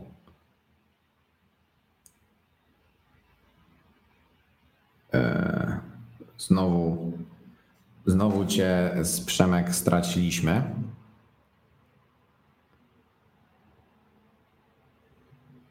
W takich ważnych tutaj momentach e, coś jest nie tak z transmisją. Mamy Przemka z powrotem. Przepraszam, nie, nie, nie, nie, nie wiem, co tu się stało. E, W każdym razie, e, tutaj tak jak pokazuję, zasłonięte przez jakąś reklamę. Nie, to chyba Google, wiesz co, on wykrywa, że ty jesteś w incognito mode i on tutaj coś ci, wiesz, To, chce to, nie, jakiś to nie jest incognito. To jest specjalna przeglądarka dla deweloperów. I nie wiem, czemu ona blokuje, wiesz, zarobki deweloperów. No, No ale dobra, właśnie. w każdym razie udało się nam tutaj wyliczyć, że średnio programista zarabia e, w przeliczeniu na polskie 13,5 tysiąca, tak? 13,600 w zaokrągleniu. To jest Mhm. taka stawka, jaką może liczyć e, średni programista. E, No i tutaj od razu powiem, że na przykład pomiędzy w Polsce, pomiędzy juniorem a seniorem to jest przepaść, jeżeli chodzi o zarobki, prawda? Junior tam może zarabiać około 4 tysięcy, natomiast senior, no już tak mniej więcej 15 może wyciągnąć. Takie, takie, takie są mniej więcej realia w Polsce. Natomiast jeżeli chodzi o różnicę pomiędzy seniorem a Norwegią, e, a seniorem a juniorem w Norwegii, to jest raczej to spłaszczone. Więc tutaj nie ma takich dużych skoków, e, jeżeli chodzi o wynagrodzenia. Mhm, mhm. Okej, wiesz co, no to teraz myślę, że też jeżeli jesteśmy przy zarobkach, no to też e, jakby trzeba to w jakiś sposób powiązać e, z tym, jak wyglądają koszty życia, prawda? Bo to, że mamy te 13, to to jest, wiesz, e, dużo albo mało, w zależności ile musimy zapłacić za mieszkanie, jedzenie, jakąś tam roz, rozrywkę i tak dalej, prawda? Mhm. Dobra. Jeszcze raz udostępnię. Widać mój ekran, nie widać? Widać, widać. Ja już Okej. tutaj nas przełączyłem. Dobra, więc teraz tak. Jeszcze na spotkanie dzisiejsze przygotowałem Excela. Tu jest Excel, w którym zsumowałem sobie wszystkie moje zakupy w zeszłym miesiącu i tu są główne produkty, e, jakie kupowałem, to jest spożywka, czyli e, tylko i wyłącznie jedzenie. E, Ja na przykład nie palę, nie piję, więc tutaj te koszty alkoholu, imprezowania, tytoniu i innych rzeczy nie są wliczone. Czasami udało mi się kupić jakiś szampon, jakiś kosmetyk czy domestos, więc tutaj trzeba uwzględnić, że oprócz jedzenia jest tutaj jeszcze jakaś tam drobna kwota, żeby kupić sobie jakiś środek czystości. No i wyszło, że miesięcznie e, płacę trzy- 3752 korony. To są noki, korony. Mhm, mhm. Ogólnie e, na różnych stronach, na różnych portalach można powiedzieć, że średnio na jedzenie e, w Norwegii trzeba wydać 3000 koron. Tak, tak Mhm. mówi się średnio. No widać, że ja e, troszkę więcej wydaję, ale to jest raczej wynik tego, że tak jak powiedziałem, kupuję środki czystości. Więc możemy przyjąć taką kalkulację. Ja odpalę tutaj kalkulator, że jeżeli mamy taki miesięczny zarobek, mm, przepraszam, e, ile nam wyszło? 32 E, trzy- tysiące. Tak? To jest nasz E. miesięczny zarobek po odjęciu podatku. Tak, tak, tak, no, około 16 2, tysięcy. e, 629 to jest nasz miesięczny zarobek. E, Od tego musimy, o przepraszam, e, 32629 odejmuje, nie wiem co jest. E, 3, 32629 odejmujemy od tego, e, no już wrzućmy tą na uwagę moją kwotę, bo i tak musimy kupić jakiś środek czystości, więc to będzie 3752, więc zostaje nam po odjęciu kosztów e, wyżywienia taka kwota. No ale jeszcze Mhm. musimy oczywiście wynająć jakieś mieszkanie. No właśnie, to jest pewnie Mhm. dość spory wydatek, domyślam się. Tak, no i tutaj oczywiście ceny mamy, w zale- widać mój ekran dla potwierdzenia Tak. po. Tak, Więc tak, tak, tak. W zależności od tego, czy chcemy mieszkanie, czy chcemy pokój na start, no to musimy się liczyć z kwotami. Tu jest akurat 7 metrów. Raczej nie spotkamy takiej e, kwoty mieszkania. e, Kwoty mieszkania. No o, nawet, no dobra, jeżeli ktoś chce mieszkać w małym pokoju, no to jest to w stanie widać zrobić za jakieś 4-6 tysięcy. Natomiast Mhm. jeżeli będziemy szukać, e, będziemy szukać na przykład no mieszkania, zazwyczaj się szuka mieszkania, o ile wygramy ten casting, no to, no to ceny, ceny mieszkania, no to już jest powyżej 12. Jak znajdziemy jakieś tańsze, to widać, że to jest 9 e, koron, 9 tysięcy koron, no ale mniej więcej no to jest e, powyżej, e, powyżej dyszki, tak? No my załóżmy, że e, my znajdziemy jakieś budżetowe mieszkanie, bardzo budżetowe mieszkanie, trafimy okazję, no i co? Wpiszemy na przykład to 11500, ok? 11500. Tak, tylko tutaj e, w Norwegii jest taki system, e, że mm, jakby to jest tak jak w Polsce, że musisz do tego jeszcze doliczyć rachunki, czy to już jest raczej taka kwota finalna? Powiem ci więcej. W Norwegii jest tak, że mm, najczęściej mu- musi sobie mieszkanie umeblować, bo zazwyczaj O. w ofertach pracy meble są oczywiście tak jak mamy tutaj e, na zdjęciu, ale w rzeczywistości tych mebli nie ma. I na przykład ja się bardzo zdziwiłem, że e, musiałem na przykład zainwestować w talerze, w garnki, co normalnie w, Pols- w polskim systemie dostajemy w ramach wynajmu. Tutaj zazwyczaj e, często możemy dostać, nawet łóżka możemy nie dostać. Więc Mhm. na to, też, na to też trzeba uważać i wziąć na tą poprawkę. Ja dziękuję Artur, że zwróciłeś na to uwagę, bo mi się już zapomniało, ale faktycznie tak jest, że długo szukałem mieszkania, raczej no długo szukałem. No, e, przeglądałem kilka mieszkań i faktycznie w wielu mieszkaniach jest tak, że w większości mieszkaniach jest tak, że e, trzeba je samemu umeblować. Okej, czyli to też jest e, jakiś tam dodatkowy koszt e, Aha. na, na start. Okej, czyli, czyli w zasadzie, wiesz co, jak tak na to patrzę, to e, te zarobki i te koszty wydają mi się podobne jak w dużym polskim mieście w Polsce, tak? Czy, czy, Mhm. czy ja może coś pokręciłem? Ra, raczej tak. Ja tutaj, wiesz co, w swoich kalkulacjach wziąłem miasto Bergen. To jest jedno z większych miast, no mniej więcej nasz taki odpowiednik Wrocławia, Krakowa, nie, może Wrocławia, coś takiego. I nie specjalnie chciałem brać stolicy, bo w ogóle w stolicy, w Oslo, to tam ceny są powalone. Więc wziąłem sobie, stwierdziłem, zazwyczaj jak pracujemy jako programiści, to raczej w jednym z większych miast. No i tak sobie też wziąłem właśnie Bergen i to jest, ceny są w Bergen, więc to są takie ceny całkiem rynkowe. Mhm. Mhm. Po odjęciu. Okej, okay, okej, okay. rozumiem. Po odjęciu kosztów życia, kosztów raczej jedzenia, kosztów mieszkania, zostaje nam kwota 17 tysięcy. Jak teraz spróbujemy to Nocto PLN, no to zostaje nam w oszczędnościach 7234 zł. No pod warunkiem, że nie mamy samochodu, nie mamy, nie imprezujemy, nie chodzimy do kina, do teatru, nie zachorujemy, bo na przykład służba zdrowia jest płatna w Norwegii. To nie jest tak, że umawiamy się w kolejce do lekarza na NZ, tylko po prostu za wszystko musimy płacić. No właśnie, właśnie też, też chciałem o to pytać, prawda? Bo e, myślę, że e, jak jesteś młody, e, jesteś tam bez dzieci i bez żony, prawda? No to, no to na pewno jest to dużo dogodniejsza sytuacja niż ktoś by się miał przeprowadzić z dziećmi, które jednak często łapią te infekcje, jakieś tam bóle brzucha i tak dalej wtedy domyślam się, że tak naprawdę jest tam problem z takimi rzeczami, prawda? Mhm. No faktycznie tak. Leka- wizyta u lekarza kosztuje i to nawet niedużo. Na przykład w Norwegii jest bardzo popularna, e, zapomnę jak to się nazywa, medturystyka, że dużo e, osób, które na przykład żyje w Norwegii, leci do Polski, właśnie do Polski, do nas, na wakacje, wyleczyć sobie zęby i w tej cenie, co by zrobili to w Norwegii, mają w Polsce wakacje w luksusowym hotelu, leczenie i jeszcze im zostanie sporo, sporo, sporo oszczędności. I jeszcze wódę se nakupują i przywiozą do, do Norwegii, bo tam jest, słyszałem chyba z trzy razy drożej, nie? jeżeli chodzi o takie używki. W ogóle, w ogóle ci powiem, że e, z dostępnością alkoholu jest ciężko, ponieważ w supermarkecie e, możesz kupić piwo, ale jeżeli chcesz kupić wódkę czy jakiś mocniejszy trunek, to nie ma tak, że pójdziesz do sklepu. To musisz pójść do specjalnego monopolowego sklepu, gdzie szyby są za kratą i on jest otwarty tylko w określonych e, godzinach, bo na co dzień możesz sobie kupić, e, no tak powiedziałem, jakieś, e, jakieś piwo co najwyżej. Alkohole wysokoprocentowe są zamknięte w specjalnych sklepach, otwarte tylko w określonych godzinach, w określone dni tygodnia. Mm -hmm.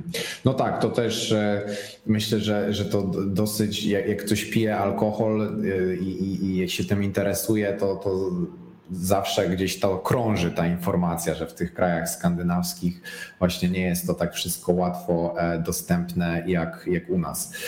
Trochę już rozmawiamy, więc powoli też chciałbym tutaj kończyć. Też widzę, że są ciekawe mm, pytania to już w zasadzie chyba mówiłeś, czy znać dobrze norweski, czy, czy angielski wystarczy. Jak, jak to u ciebie na przykład jest w tej firmie? Czy oni ci na przykład dali jakieś tam podręczniki, żebyś się uczył norweskiego? Jak, jak oni podchodzą do takich rzeczy? E, wiesz co, e, bardzo chętnie Norwegowie e, uczą innych norweskiego i na przykład moja firma ma wsparcie finansowe. Jeżeli chciałbym się uczyć norweskiego, to mam kurs norweskiego z Afriko ale jeżeli chodzi o sam proces rekrutacyjny, no to w ogóle cały czas rozmawiałem po angielsku i angielski całkowicie mi wystarczy do pracy na co dzień, więc norweskiego nie używam. No, ja mam jeszcze taką specyfikę firmy, że pracuję w firmie międzynarodowej, a główną siedzibą i założy, założy, założy, główną siedzibą e, firmy jest właśnie Norwegia, natomiast firma działa na całym świecie. No i z tego względu jest to firma międzynarodowa, więc wszystkie dokumenty, wszystkie obieg całej korespondencji jest w języku angielskim. No i na dobrą sprawę, tak jak powiedziałem na początku naszej rozmowy, e, e, jeżeli chcemy pracować w firmie konsultingowej, to raczej też to będzie tylko i wyłącznie angielski. Mm -hmm. A gdybyś miał wskazać jakieś takie e, największe różnice w pracy, że na przykład jak porównujesz, przypominasz sobie czasy, jak pracowałeś w Polsce jako deweloper e, i teraz wszedłeś w tą norweską organizację, e, czy było jakieś takie rzeczy, które ci od razu uderzyły, że jest na przykład jakaś inna hierarchia, że ludzie jakoś się inaczej do siebie zwracają, jest jakaś inna organizacja pracy, czy to jest po prostu tak, że wszystko jest tak samo? Wiesz co, duża jest zmiana pod względem podejścia do drugiej osoby. W Polsce, jak pracowałem e, na, właśnie na takiej pracy etatowej, to miałem podejście, że po prostu ja byłem tylko i wyłącznie osobą, która pisała kod, no i musiała e, dowozić zadania, które były powierzone e, jej na dzirze. I na dobrą mhm. sprawę było takie podejście dosyć, wydaje mi się, oziębłe. Project managerowie często wymuszali, żeby zrobić tych zadań jak najwięcej, żeby po prostu E, jak najwięcej wygenerować story pointów e, w danym sprincie. No i tak, tak to mniej więcej wyglądało. Natomiast jeżeli chodzi o pracę w Norwegii, to tutaj podejście jest zupełnie inne. E, nie ma takiego czegoś jak wymuszanie, jak presja. W ogóle nie wolno krzyczeć w Norwegii. To jest ciekawa rzecz. Tutaj nie, nie, nie można dostać opieprzu nawet takiego czegoś. To wynika z tego, że właśnie Norwegowie przede wszystkim na numer jeden stawiają e, ciepłe relacje między, między po prostu członkami zespołu. Przede wszystkim członek zespołu ma się czuć dobrze, e, bez presji, ale oczywiście dowodzić e, swoje zadania, no ale to wypływa w naturalny sposób, bo jeżeli ja zostaję otoczony takimi, takimi po prostu ciepłymi słowami, ciepłym klimatem, to ja mam sam motywację, taką wewnętrzną e, próbę zrewanżowania, e, wewnętrzną potrzebę zrewanżowania się, aby po prostu wycisnąć z siebie jak najwięcej. Więc taki system e, motywacji jest zupełnie inny. W Norwegii właśnie są dla ciebie ciepli, mili, otwarci, i po prostu ty chcesz się zrewanżować e, pracą najlepszą. Natomiast w Polsce no to jest tak, że menadżer, e, bijemy jak najwięcej store pointów, ubijamy do sprintu, no i jedziemy i masz dowieść jak najwięcej. No, taka jest e, moja percepcja na podstawie no, wielu, kilkuletniej pracy w branży IT, jaką doświadczyłem na stanowisku właśnie Java Developera. Mhm, mhm. Tylko od razu tak. to jest moja pierwsza firma w Norwegii, więc nie mam też porównania, czy rzeczywiście tak jest we wszystkich firmach. Może na wschodzie bardziej krzyczą tam. Co mówiłeś, że... Mo, mo, mo, może tak jest, ale właśnie nie mam porównania. Ja po prostu mówię tutaj w punkcie widzenia tylko i wyłącznie w tej firmie, w której ja pracuję, że to jest e, firma międzynarodowa i rzeczywiście oni tak dbają o pracownika jeżeli chodzi o komunikację, jeżeli chodzi o poczucie się dobrze w firmie. Mimo, że pracuję e, w firmie, w której nawet pracuje dużo Polaków, tylko że ja jestem jedynym tam osobą odpowiadana z Polski, która odpowiada za jakość kodu, więc e, cały team deweloperski ja mam norweski. I specjalnie hmm. dla mnie mówią w języku angielskim. To samo to jest miłe, że w trakcie lunchu zapraszają mnie, no i zmuszają się do. Nie wiem, czy się zmuszają, bo e, Norwegowie bardzo płynnie mówią w języku angielskim, ale mówią e, tylko i wyłącznie dla mnie w języku angielskim. Jakieś spotkanie e, socjalne też przełączają się dla mnie, żeby mówić w języku angielskim. Więc samo to ja jestem im bardzo wdzięczny i, i to sprawia, że rzeczywiście chce mi się w tym projekcie pracować i angażować bardziej. Mhm, mhm. Tutaj jeszcze takie ode mnie pytanie. Jak tak skanowałeś mniej więcej ten rynek pracy w Norwegii, rozmawiałeś z ludźmi, to zauważyłeś, że może na przykład, nie wiem, w Norwegii są jakieś określone technologie, które są bardziej popularne, bardziej pożądane, czy, czy tutaj jest po prostu tak jak w Polsce, że jest to różnorodne i zależy to od firmy, od projektu? Wiesz co, jeżeli chodzi o same technologie, czyli w tym, z czym programiści pracują na co dzień, nie odnotowałem żadnych różnic. Na dobrą sprawę mhm. technologie to samo, podejście te same, e, podejście do tworzenia oprogramowania dokładnie to samo, architektura ta sama. Na dobrą sprawę tutaj pod względem technologicznym się e, nie odnotowałem żadnych, żadnych różnic, bardziej pod względem samym zarządzania zespołu. Tutaj są różnice. Mhm, mhm. E, zaraz może wrócimy do tych różnic. Tymczasem Marcin pyta, czy norweskie firmy są skore do zatrudniania w kontekście relokacyjnym, czy również zdalnym? Czyli e, czy prosto się zrekrutować w takiej norweskiej firmie na zasadzie, że pracujesz z Gdańska, czy tam ze Szczecina, czy gdzie tam jesteś?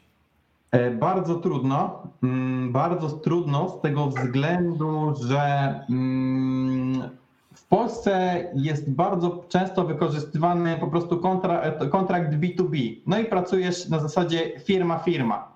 Mhm. E, No i w ten sposób można pracować zdalnie, dogadać się ze wszystkimi, brać projekty długoterminowe, krótkoterminowe.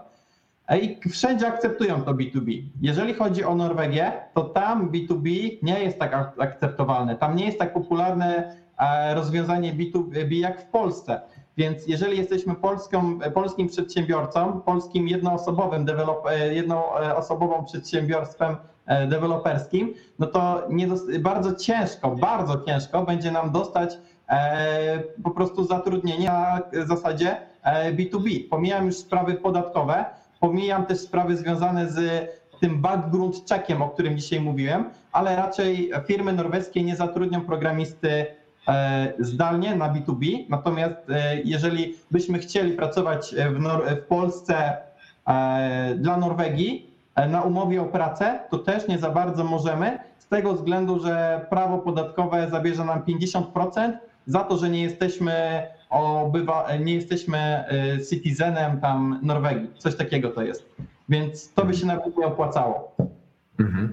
Czyli tutaj gładko też przeszliśmy do pytania, które zadał Michał. Jakie formy zatrudnienia istnieją w Norwegii i jaka jest najlepsza dla dewa? Czyli myślę, że tam nie istnieje ten taki chory system jak u nas, że każdy jest e, wielkim przedsiębiorcą, który wystawia jedną fakturę tej samej osobie e, co miesiąc, tylko po prostu, no jeżeli ktoś e, pracuje jako programista, to ma umowę o pracę i koniec kropka, tak? Tak, no to dokładnie tak. W Polsce mamy naprawdę świetny system podatkowy. Nie, nie sądziłem, że to w ogóle kiedykolwiek powiem, ale na dobrą sprawę jesteśmy programistami i płacimy 9, e, o 19% podatku na liniowym. Więc e, duża część zarobków trafia do naszej kieszeni i to jest opłacalne. To jest coś, co sprawia, że w Polsce możliwe, że bardziej opłaca się pracować niż w ogóle w Norwegii. W Norwegii płacimy 36% podatku za to, że jesteśmy programistami i nic z tym nie zrobimy. E, I na dobrą sprawę w Polsce możemy to rozwiązać na działalności, na umowę o pracę i niektórzy jeszcze zaprzęgają spółkę, żeby nie płacić ZUS-u na przykład. Więc Mhm. jest dużo dróg e, rozwiązania, e, raczej rozwiązania sposobu unikania płacenia podatków, natomiast w Norwegii nie ma. Nie, nie, nie, nie. Mhm. Jesteśmy na umowie o pracę i nic z tym nie zrobimy więcej. Mhm. No tak, tylko jak tam przepracujesz te 20-30 lat, to masz piękną emeryturę i nie musisz się o nic martwić, a u nas no to ile uciłasz, to tyle w zasadzie jest twoje i trzeba później sobie to rozważyć wszystko, czy lepiej właśnie płacić tylko te 19, czy później samemu coś tam odkładać, e, czy korzystać z jakichś funduszy i tak dalej. Więc Norwegia chyba pod tym względem już co się dzieje na emeryturze, no to jest jednak e, pewniejszym państwem niż, niż Polska, prawda? Tak, tylko ja na przykład mam ten problem, że e, żeby dostać emeryturę w Norwegii, to ja chyba muszę pracować 40 lat. To, to już biorąc pod uwagę e, mój wiek, ja nie jestem w stanie wyrobić tego, tego po prostu minimum, żeby dostać emeryturę. I chodzi o to, że ja jestem, nie będę miał ani emerytury w Polsce, ani w Norwegii. Więc U, ale to na pewno tak jest, bo to. Y, Nie jestem pewien, ale wydaje mi się, że chyba 40 lat trzeba pracować w Norwegii, żeby mieć e, emeryturę pełną. Natomiast, e, żeby dostać emeryturę minimalną, e, wystarczą 3 lata. Tylko, żeby dostać tą emeryturę minimalną, ona nie sprawi, że jesteśmy w stanie w ogóle się z tego utrzymać. I chodzi o to, żeby dostać tą emeryturę pełną, wtedy jest fajnie, no ale trzeba chyba 40 lat przepracować. Tu się mogę mylić, na szybko to sprawdzam, ale może mogę odpowiadać w międzyczasie na kolejne pytania. E, Wiesz co, tutaj na razie na czacie chyba e, nic tu się ciekawego póki co nie pojawiło. To ja wykorzystam okazję, zapytam się. em, Tak, trzeba wróć- wró- mogę? Tak. 40 lat przepracowanych i ukończony 67 rok życia.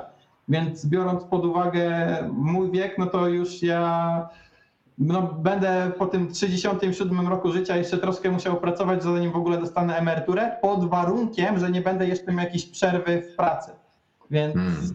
e, na dobrą sprawę nie płacę już e, w Polsce emerytury, tak, bo pracuję w Norwegii, a w Polsce chyba też, żeby dostać emeryturę, to trzeba przepracować minimum 25 lat. Więc Hmm. tutaj też trzeba na to uważać, jeżeli ktoś zmienia kraje, żeby w ogóle mieć e, możliwość emerytury gdziekolwiek. Mhm, mhm, mhm. Czyli, czyli tutaj wygląda to faktycznie mm, nieco mniej kolorowo niż myślałem. Wojciech tutaj jeszcze uzupełnił. Aby otrzymać pełną emeryturę z norweskiego systemu ubezpieczeń społecznych, trzeba mieć ukończone 67 lat i mieszkać w tym kraju ponad 40 lat po ukończeniu 16 roku życia. No, czyli dosyć ciężkie warunki do, do, do, do, do spełnienia, więc chyba e, nie jest to taki raj, nazwijmy to emerytalny. E, jeszcze dosłownie szybko chciałbym się zapytać, jak już jesteś tam no, te parę miesięcy, w zasadzie już w Norwegii, czego ci najbardziej tam brakuje? Czy są jakieś takie rzeczy? Wiadomo, nie mówię już o rodzinie, o przyjaciołach, prawda? Bo to wiadomo, jest to oczywiste, jak się gdzieś wyjeżdża i, i nie można tam wsiąść e, w samochód i w godzinkę być tutaj, prawda? Ale jakieś takie, nie wiem, przyziemne rzeczy, jakieś tam jedzenie, telewizja, cokolwiek, czegoś ci brakuje? No to trafiłeś w samo sedno. Jedzenia. Mhm. E, jeżeli chodzi o polskie jedzenie, polskie wyroby mięsne, to po prostu e, Polska jest rajem na, e, na ziemi i nie ma chyba, no w moim zdaniu, w moim skromnym zdaniu, nie ma po prostu lepszej i lepszego wyrobu niż polska kiełbasa. W mhm. Norwegii jedzenie jest jak powiedziałem, że w Norwegii, Norwegowie, że w Nor jak powiedziałem Norwegowie, e, mm, przepraszam, jeszcze raz. Jak powiedziałem Norwegowie, że norweskie jedzenie jest niedobre, to od razu mnie naprostował i powiedział, że nie można powiedzieć, że coś jest gorsze. W Norwegii nie mówi się, że coś jest złe.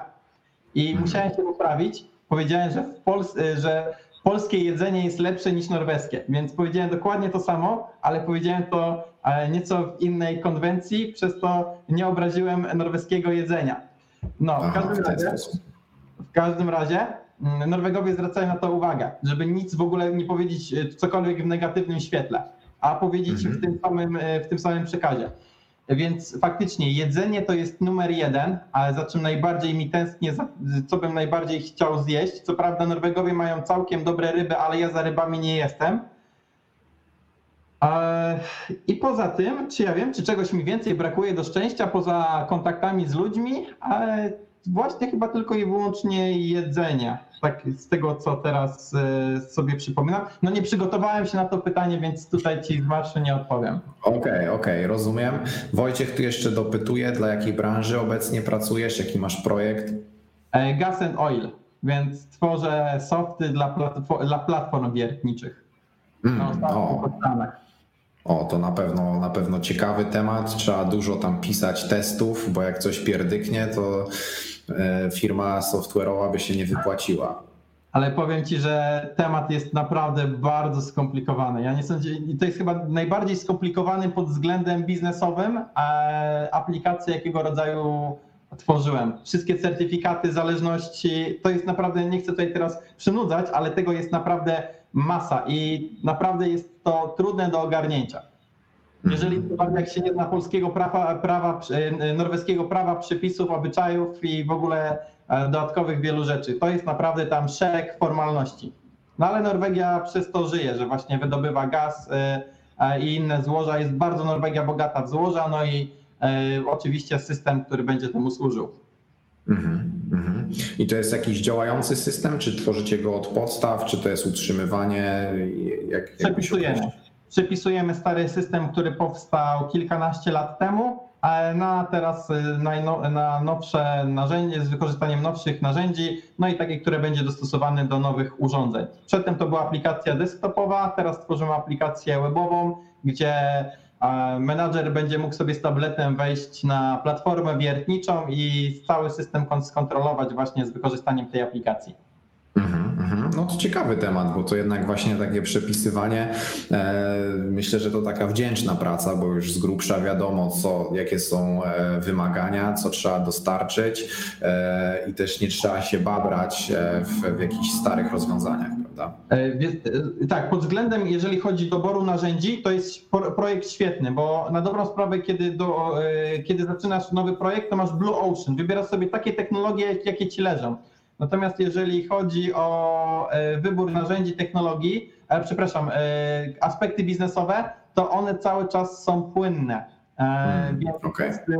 założenia biznesowe się zmieniły, bo przepisujemy aplikacje, nie chcemy przepisywać aplikacji z tymi samymi niedogodnościami, a jednocześnie regulacje prawne, certyfikacje się zmieniły, więc musimy cały czas to aktualizować i być z tym na bieżąco. Więc dużej mierze te założenia biznesowe y, w dużej mierze się zmieniły. No i jest to przez to też nieco bałaganu. Mhm, mhm. Tutaj szybkie pytania od Michała. Czy planowałeś wyjazd, czy to była spontaniczna decyzja? To, to był full, y, full spontan, nic nie planowałem. E, tak jak powiedziałem na początku, nie wiem czy tutaj e, Michał był, ale ja powiedziałem, to było zupełnie spontaniczne. Ja nawet y, nie kalkulowałem, czy mi się opłaca, nie opłaca mi się, czy będę miał fajne mieszkanie, czy będę miał znajomych, nie będę miał znajomych, co mogę robić, czego nie mogę robić, e, czego będzie mi brakowało, nie brakowało. W jednej chwili na hura jazda, nie, nie analizowałem nic. To po prostu moja analiza. Będę, będę się rozwijał? Będę. Będę pracował w międzynarodowym zespole? Będę. Jadę. I mhm. tyle. Okej, okay, okej. Okay. Tu jeszcze Jakub podpytuje, czy to jest aplikacja webowa, e, co tam macie na frontendzie? E, to już ode mnie pytanie, tak z ciekawości. E, na frontendzie mamy Angulara, na backendzie mamy Java Springa, no i to wszystko działa w chmurze. E, tylko e, my tworzymy aplikację, która jest z założenia aplikacją webową, ale bierzemy pod uwagę, żeby ta aplikacja również działała w offline, ponieważ jak e, taki menadżer sobie wejdzie na platformę wiertniczą, no to może nie mieć tego internetu. No i chodzi o to, żeby to była aplikacja webowa, ale możliwa do obsłużenia w trybie offline. Mm, offline first. Mhm. Okej, okay, okej. Okay. E, tu jeszcze dosłownie ostatnie pytanko weźmiemy od Wojciecha. Masz styczność ze sprzętem, czy wszystko na jakichś emulatorach? Y, styczność ze sprzętem y, jest tu to? pewnie chodzi, czy się łączycie z jakimiś tam urządzeniami na tej platformie wiertniczej, czy to bardziej jest taki system, gdzie można bez tego sobie poradzić? E, nie, nie, raczej nie, nie, nie, potrzebujemy, e, nie potrzebujemy żadnego kontaktu z mm, sprzętem. Na dobrą sprawę tworzę aplikację, gdzie menadżer, world manager tak zwany, czyli taki dowódca, spawacz, chodzi po platformie wiertniczej i ocenia, czy na przykład ten element na konstrukcji jest dobrze wykonany. I jeżeli jest dobrze wykonany, no to tam podpisuje, e, nadaje tam odpowiedni certyfikat. Jeżeli jest źle wykonany, to cyka zdjęcie tabletem, e, no i ten tablet skanuje tą część, a jednocześnie sprawdza, jaka to jest część, czy łączymy się z magazynem, czy jest dostępna w magazynie, e, kto za to odpowiada. Więc na dobrą sprawę to nie potrzebujemy jakiego kontaktu większego ze sprzętem. Jeszcze na sekundkę tylko dosłownie udostępnię ekran. Jasne. A widać? E Wiesz co? Nie. Chociaż czekaj. Hmm. Nie, chyba musisz udostępnić ekran jeszcze raz, wiesz, bo tam chyba nas Dobra. wyłączyło na chwileczkę. O, teraz, teraz będzie widać. O, jesteś Dobra. w hełmie. Pięknie. Tak, tak, tak, tak. No to na dobrą sprawę. Za mną jest platforma wiertnicza. Jej na, na dobrą sprawę tak nie widać, bo ona jest za, za maszynami, ale ta platforma wiertnicza stoi na, na morzu będzie przenoszona na ocean. No i na dobrą sprawę, e, my jako inżynierowie e, wchodzimy na tą platformę, no i możemy tam testować na po prostu jak ta aplikacja działa. Większość oczywiście czasu spędzamy w biurze za, monitor, za monitorami, programu, programujemy, natomiast to jest bardzo duży mm, kampus, gdzie musimy chodzić w specjalnych sprzętach ochronnych. No jeżeli chcemy wbić na tą platformę, no to oczywiście są tutaj pewne restrykcje, jak to robić, co robić, czego unikać. No ale tu chodzi o to, że to jest taka praca programisty połączona właśnie z e, pracą w terenie. Mhm, mhm. Okej. Okay. E, Dziękujemy Ci bardzo, Przemek, e, że się podzieliłeś e, z nami, jak, jak wygląda Twoja praca, jak, jak wyglądały e, Twoje początki w Norwegii. Myślę, że ten materiał stanowi bardzo fajną skarbnicę wiedzy, jeżeli ktoś myśli o wyjeździe do Norwegii. Jeżeli myślicie o tym wyjeździe, to myślę, że też warto jest subskrybować kanał Przemka. Tam znajdziecie vloga, gdzie Przemek opowiada o właśnie swoim pobycie w Norwegii Norwegii, więc na pewno tam wyciągniecie sporo informacji. Pamiętajcie, że naszego, nasze dzisiejsze nagranie możecie posłuchać również w wersji audio. Wiem, że każdy lubi inaczej, niektórzy lubią popatrzeć, posłuchać, niektórzy gdzieś tam jadą rowerem i słuchają, także możecie nas znaleźć też w platformach streamingowych, takich jak Spotify, Google, Apple Podcast. Dziękuję Ci bardzo, Przemek, że poświęciłeś e, nam dzisiaj e, swój czas, podzieliłeś się swoimi doświadczeniami. E, dziękuję i życzę powodzenia i samych udanych projektów w Norwegii. Dziękuję, Artur. Pozdrawiam ciepło społeczność. Trzymajcie się. Cześć. Cześć, cześć.